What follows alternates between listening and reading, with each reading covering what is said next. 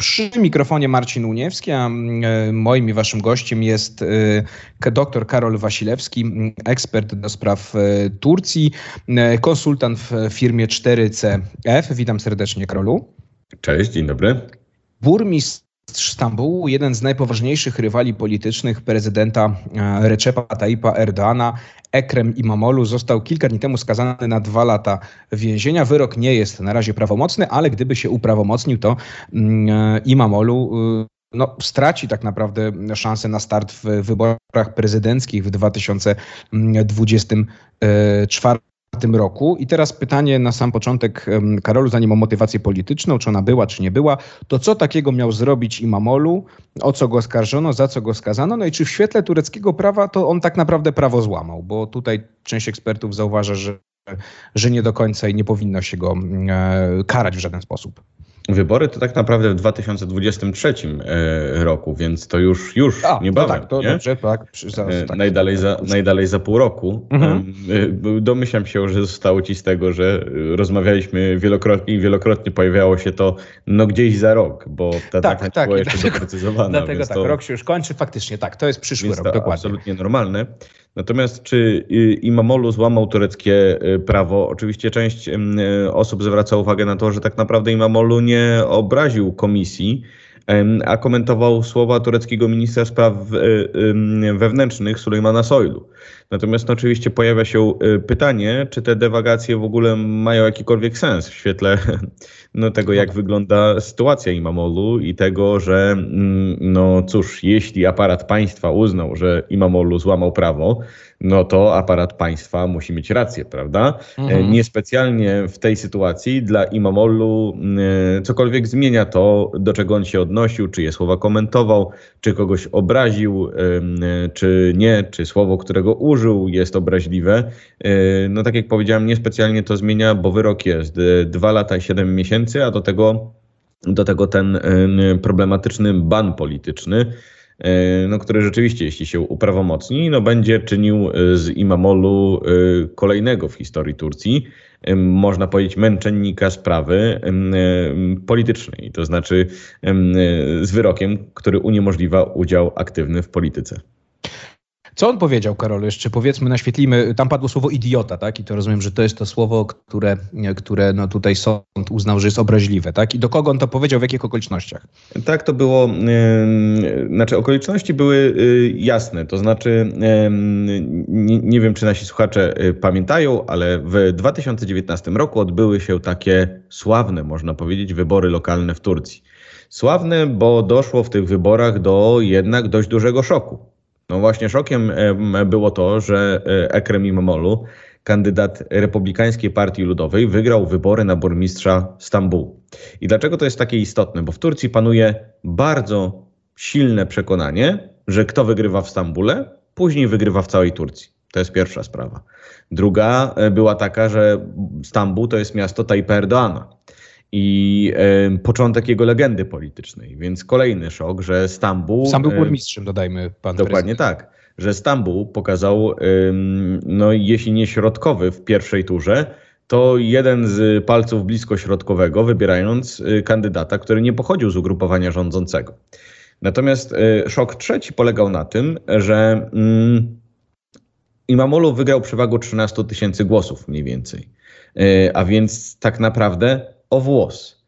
I te wybory zostały, i to już pewnie wszyscy pamiętamy, unieważnione e, przez, e, no powiedzmy, tureckiego odpowiednika Państwowej Komisji Wyborczej i zostały powtórzone.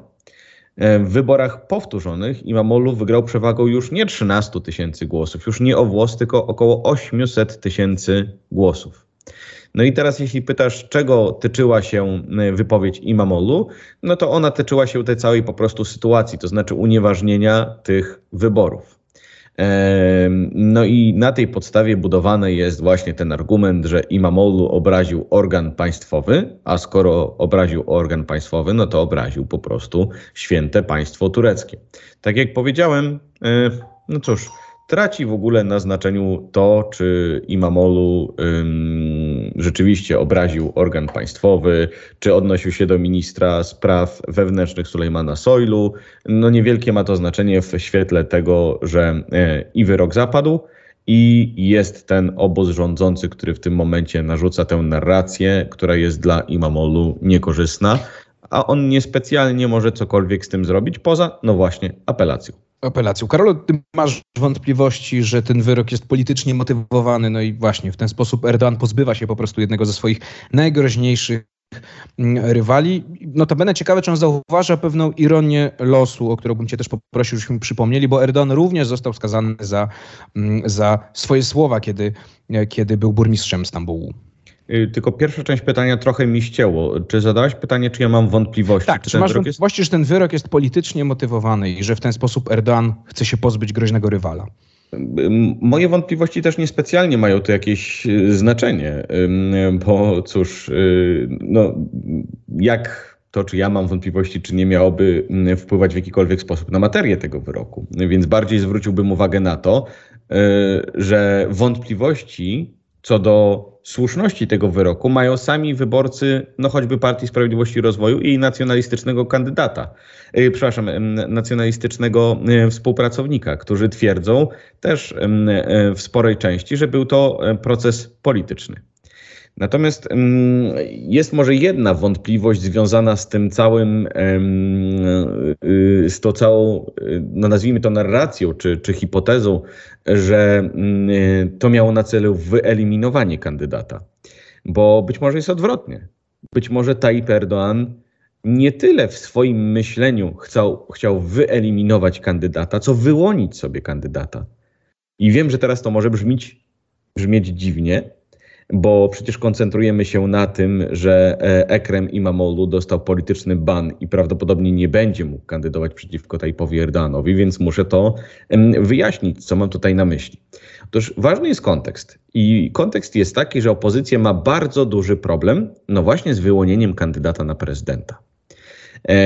Ambicje prezydenckie zgłasza no, choćby sam Ekrem Imamoglu przerwę ci, przepraszam, bo zapytam cię zaraz o opozycję, więc może nie rozwijajmy, bo i tak już musimy e, kończyć. To e, za chwilkę wrócimy do tego, do tego mm, tematu, czy właśnie chciał powstrzymać, czy chciał sobie wyłonić kandydata Recep Tayyip.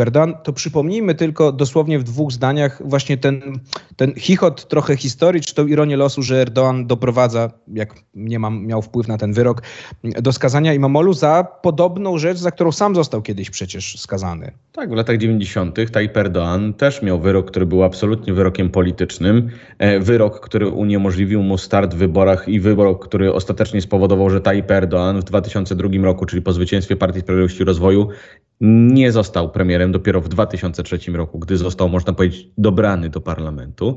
E, wyrok ten był wyrokiem politycznym za recytowanie wiersza. Tayyip Erdoğan spędził w więzieniu e, kilka miesięcy i ten wyrok przyczynił się do wyrobienia takiego podstawowego wizerunku Tayyipa Erdoğana w polityce, ciemiężonego, który walczy z tymi, którzy go ciemiężą. No i teraz masz rację, absolutnie, że jest to ironia losu, że teraz Tayyip Erdoğan, ten ciemiężony, zyskuje wizerunek ciemiężyciela, a Ekrem Imamoglu zyskuje wizerunek tego, który z tym ciemiężycielem będzie walczył. I tutaj, Więc ten i tutaj wielki postawmy... etos tureckiej polityki się powtarza. Mm, Karolu, no właśnie, to powiedzmy, co dla tureckiej opozycji oznacza ten wyrok na Imamolu? Bo z jednej strony ja cię zapytałem, czy to jest to, że Erdoğan pozbywa się rywala, ty powiedziałeś, że on może sobie wyłaniać rywale. Jakbyś mógł rozwinąć tą, tą, tą myśl, bo no, Imamolu wcale nie był tym pierwszym wyborem, prawda? Tej kłócącej się opozycji, która próbuje wyłączyć jednego kandydata. Jasne, więc wracam do tego głównego wątku i rzeczywiście skończyliśmy na tym, że opozycja ma problem z wyłonieniem kandydata. Przez długi czas sądzono, że jest to specjalnie zaprojektowana strategia opozycji. Nie wyłaniamy kandydata po to, żeby Tayyip Erdoğan i cały aparat rządowy nie mógł obrzucać go błotem, na przykład przez rok, który zostanie do wyborów.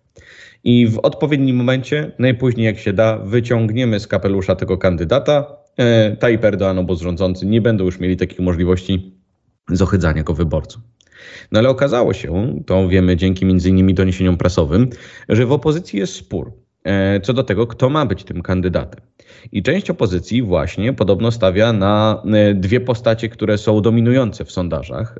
Jest to właśnie Ekrem Imamoglu, burmistrz Stambułu i Mansur Jawasz, burmistrz Ankary, który długo też był traktowany z przymrużeniem oka, ponieważ e, o ile w tych sondażach wypada zdecydowanie najlepiej w kontrze do Tayyipa Erdoana, e, o tyle dopiero niedawno pierwszy raz puścił oczko do wyborców z sygnałem, że może rzeczywiście startować. Wydaje mi się, że obóz rządzący rzeczywiście boi się Ekrema i Mamolu ze względu choćby na jego charyzmę. E, na to, że on w wielu aspektach y, przypomina samego Tayyipa Erdoana i że rzeczywiście mógłby być kandydatem, który rzuciłby mu wyzwanie i to poważne. Natomiast mm, okazało się, że coś, co początkowo traktowaliśmy obserwatorzy Turcji, też zresztą analitycy tureccy, jako żart, y, a mianowicie potencjalną kandydaturę lidera opozycji, lidera głównej partii republik y, opozycyjnej Republikańskiej Partii Ludowej, czyli Kamala Kılıçdaroğlu, że chyba przestaje być żartem. Że Kamal Kılıçdaroğlu uwierzył w to, y, że może stawić czoło Tayyipowi Erdoğanowi i wygrać. I część opozycji nie jest co do tego przekonana. Tak przynajmniej docierają do nas takie sygnały. Y, część opozycji wskazuje podobno za zamkniętymi drzwiami, bo te spory nie wychodzą oczywiście na światło dzienne, E, że e, Kemal Kılıçdaroğlu nie jest najlepszym kandydatem, bo z tych wszystkich potencjalnych kandydatów ma najmniejsze szanse wygranej z Tayyipem Erdoğanem. Jest poza tym postacią szalenie mało charyzmatyczną, a może e, mało charyzmatyczną z tego tureckiego punktu widzenia, czy z tego, co, co lubią Turcy. Nie jestem takim, powiedzmy, ojcem politycznym. E, no i stawiało na innych kandydatów. I być może właśnie dlatego użyłem tego sformułowania, że e, Tayyip Erdoğan próbuje sobie wyłonić kandydata. E, oczywiście ono brzmi śmiesznie w perspektywie tej, że jednak z tej figury, z tej szachownicy, przepraszam, znika tym posunięciem figura Ekrema i Mamolu, ale być może priorytetem dla Tayyipa Erdoğana było to zmobilizowanie opozycji. Wybierzcie wreszcie kogoś. I zresztą wielu tureckich i akademików, i w ogóle internet huczał od tych żartów, że opozycja nie potrafiła wyłonić kandydata. No to cóż, rzeczywistość zmusza ją do tego, żeby tego kandydata wreszcie przedstawiła. Ale być może priorytetem Tajpa Erdoana jest y, po pierwsze zagranie na podziały w opozycji, pokłócić się jeszcze bardziej, skoro nie potraficie sobie radzić. I ja o tym wiem, że wy sobie nie potraficie radzić, mimo że to niby nie wycieka, nie jest na pierwszych stronach gazet, jak wy sobie nie rodzicie, nie kłócić się w sposób publiczny. E, a po drugie, no dajcie mi tego Kemala Kılıçdaroğlu. I ja nim, przepraszam, mówiąc y, brzydko, y, trochę może językiem bokserskim, ja nim wytrę podłogę. Dajcie mi tego Kemala Kılıçdaroğlu. I, I myślę, że to jest y, to jest kluczowe dla Tayyipa Erdoana. Te dwie zagrywki, granie na podziały opozycji i granie na wyłonienie Kemala Kılıçdaroğlu przez opozycję jako tego polityka, który miałby stawić czoło Tayyipowi Erdoğanowi w wyborach. Więc teraz, jeśli mnie pytasz, czy Tayyip Erdoğan dostrzega ironię w tym wszystkim, to muszę udzielić odpowiedzi, myślę, że niespecjalnie o to dba. Tayyip Erdoğan walczy o przetrwanie polityczne, podejmuje w związku z tym takie kroki, które mają mu to polityczne przetrwanie umożliwić, bo tak jak już chyba wielokrotnie rozmawialiśmy na antenie tutaj radia, Tayyip Erdoğan absolutnie nie może przegrać wyborów prezydenckich, bo oznaczałoby to nie tylko koniec kariery politycznej, która dla Tayyipa Erdoğana jest oczywiście wszystkim. To y, miejmy jasność, jeśli ktoś jest w polityce ponad 20 lat y, na tym poziomie, mm, to nie sądzę, żeby odnalazł się już w życiu robiąc cokolwiek innego. E, zwłaszcza, że to drugie marzenie Tayyipa Erdoana ze względu na wiek, czyli piłka nożna, no już jest nieosiągalne. Już nie pogra na napadzie ani w lidze tureckiej, ani nawet w ekstraklasie. Natomiast to oznaczałoby nie tylko koniec kariery politycznej, to oznaczałoby koniec jego całej pieczołowicie budowanej legendy politycznej. Prawdopodobnie stanowiłoby poważne wyzwanie również pod kątem takim, że no nie wyobrażam sobie, znaczy może inaczej, przepraszam, wyobrażam sobie, ale wydaje mi się jednak, że opozycja chciałaby go osądzić za wielokrotne łamanie konstytucji, za te różne autorytarne ciągoty, które w Turcję, na Turcję wpływały w taki, a nie inny sposób i za różne patologie tureckiego państwa, którym e, rządy Tajpa Erdoana i Partii Sprawiedliwości i Rozwoju e, sprzyjały. Karolu, a jeszcze cię dopytam krótko, jak Turcy zareagowali na skazanie Imamolu? Czy możemy mówić, protesty się odbyły, tylko pytanie właśnie, czy, czy możemy mówić o masowych protestach, czy raczej um, większość Turków, czy może Turków spoza tych głównych miast, czyli Ankary i, i Stambułu, no gdzieś to tak strasznie nie obeszło? Um, ukazał się nawet sondaż, w którym, e, jeśli dobrze pamiętam, 30% Turków powiedziało, że nie zdaje sobie sprawy z tego wyroku. I e, po to o tym mówię, żeby, no właśnie, odpowiadając na to Twoje pytanie o powszechność ewentualnego e, oporu, zwrócić uwagę, że to nie jest tak, że Ekrem Imamoglu jest politykiem znanym, uważanym przez 100% tureckich obywateli. Ten wyrok może mu w tym pomóc, nie? To znaczy jeszcze bardziej podbić jego popularność.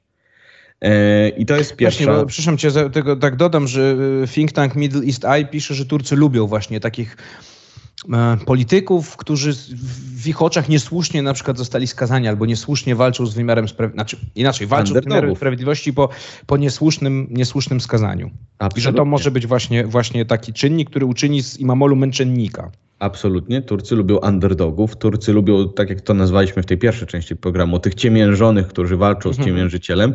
No poza tym powiedzmy sobie szczerze, to jest piękna historia, piękna opowieść, w której każdy z nas jest w stanie się odnaleźć, bo każdy z nas w ten czy inny sposób z czymś walczy, prawda? nie wiem, jednego denerwuje budowa za oknem, przepraszam, że trochę trywializuję sprawę, mhm. innego tak zwany system, ale chodzi o to, że to jest taka opowieść, która jest atrakcyjna, to szalenie atrakcyjna dla elektoratu. E, natomiast teraz e, wracając jeszcze do tego głównego wątku, bo zadałeś pytanie o, o, o te protesty. Mhm. I ja nie bardzo też przywiązywałbym się do tego, czy te protesty były aż tak bardzo masowe czy wywołały tak duży sprzeciw. Bardziej przywiązywałbym się do tego, jak to może wpłynąć na, no właśnie, to, co Turcy postrzegają jako wybór e, i możliwość wyboru. Bo dla Turków e, dla nas może to dziwnie zabrzmieć, biorąc pod uwagę to, że my wiemy, jak wyglądają wybory w Turcji że one są dalekie od tych takich standardów demokratycznych, które chcielibyśmy zapewne widzieć każdy z nas na całym świecie, nie? bo pewnie nikt nie sprzeciwiłby się temu, no poza monarchistami, że dobrze by było, żeby wybory były wolne. Ale dla Turków wybory, ten gest właśnie wrzucenia głosu do urny jest absolutnie świętą rzeczą, bo przez Turków jest postrzegany jako jedyny moment, kiedy oni rzeczywiście mogą, no właśnie, zaznaczyć swoją obecność, swój wpływ na państwo. W Turcji nie ma aż tak silnego trzeciego sektora.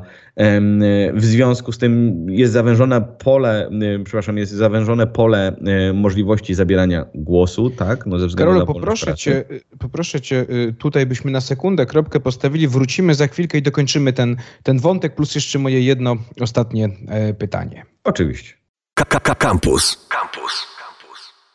Karol Wasilewski, doktor Karol Wasilewski, cały czas jest naszym gościem, specjalista do spraw Turcji, konsultant w firmie 4C. F, a my rozmawiamy o Turcji. Ekrem Imamolu, burmistrz Stambułu, jeden wydawało się, że z najpoważniejszych rywali politycznych prezydenta Erdoana, został kilka dni temu skazany na dwa lata więzienia. Wyrok nie jest prawomocny, no ale wygląda na to, że się uprawomocni, jeśli tak będzie chciała Ankara.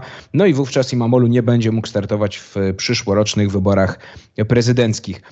Przed przerwą, Karolu, ja cię zapytałem o, o to, jak tur, turecka ulica zareagowała na to, na, na, na ten wyrok. Ty powiedziałeś, y, że dla Turków wybory są bardzo ważnym momentem w, w, tym, w tym kalendarzu takim politycznym. I teraz y, proszę skończ, skończ ten wątek.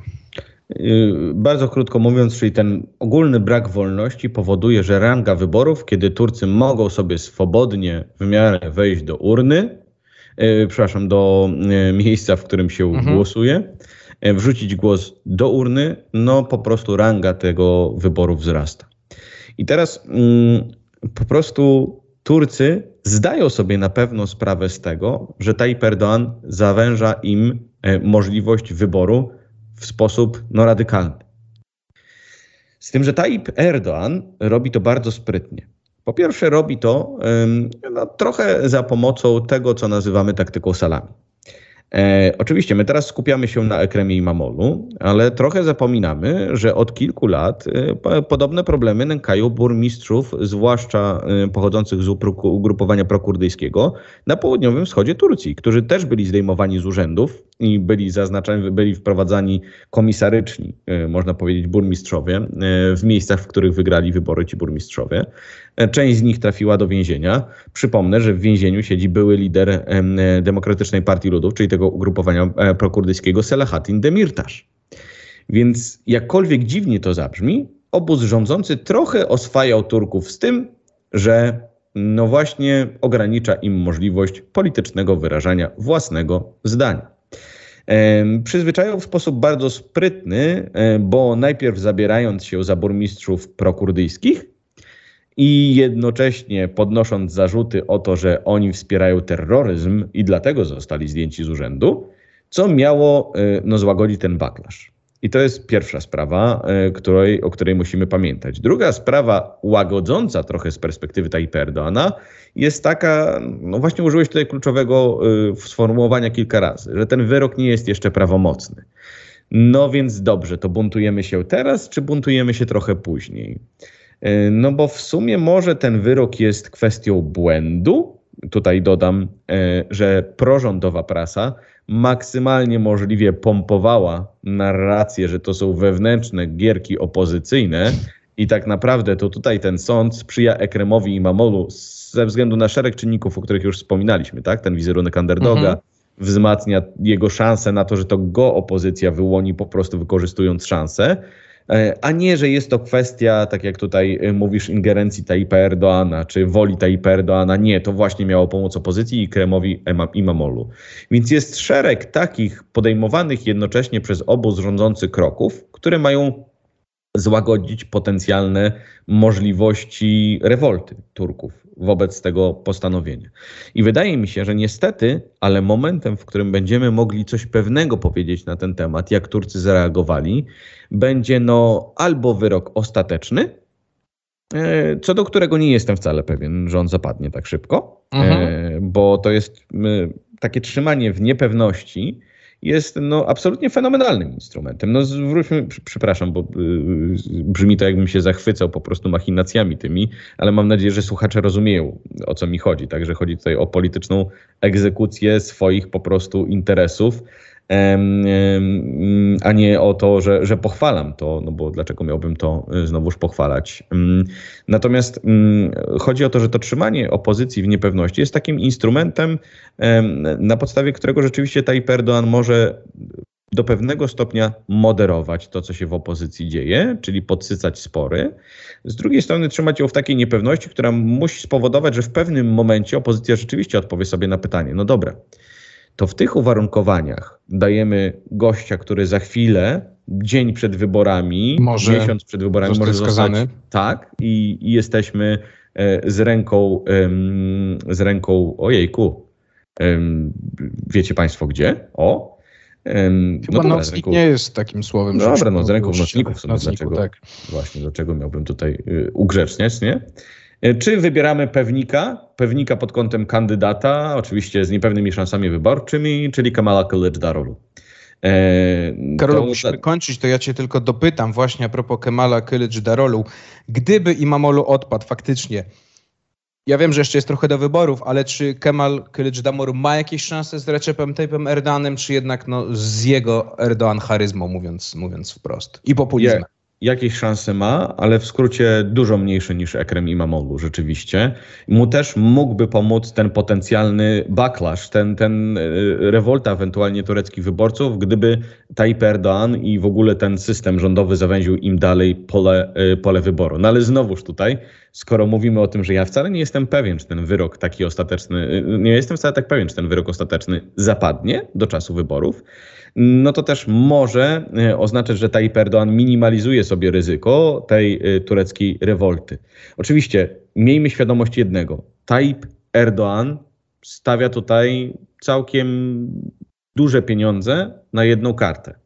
Ryzykuje ogromnie. No ale tak jak powiedziałem, stawka dla niego jest, jest bardzo ogromna. duża. I tutaj kropkę stawiamy. Dr Karol Wasilewski, specjalista do spraw Turcji, konsultant w firmie 4CF, był moim i waszym gościem. Dziękuję Ci bardzo, Karolu, za Ja rozmowę. dziękuję przepięknie.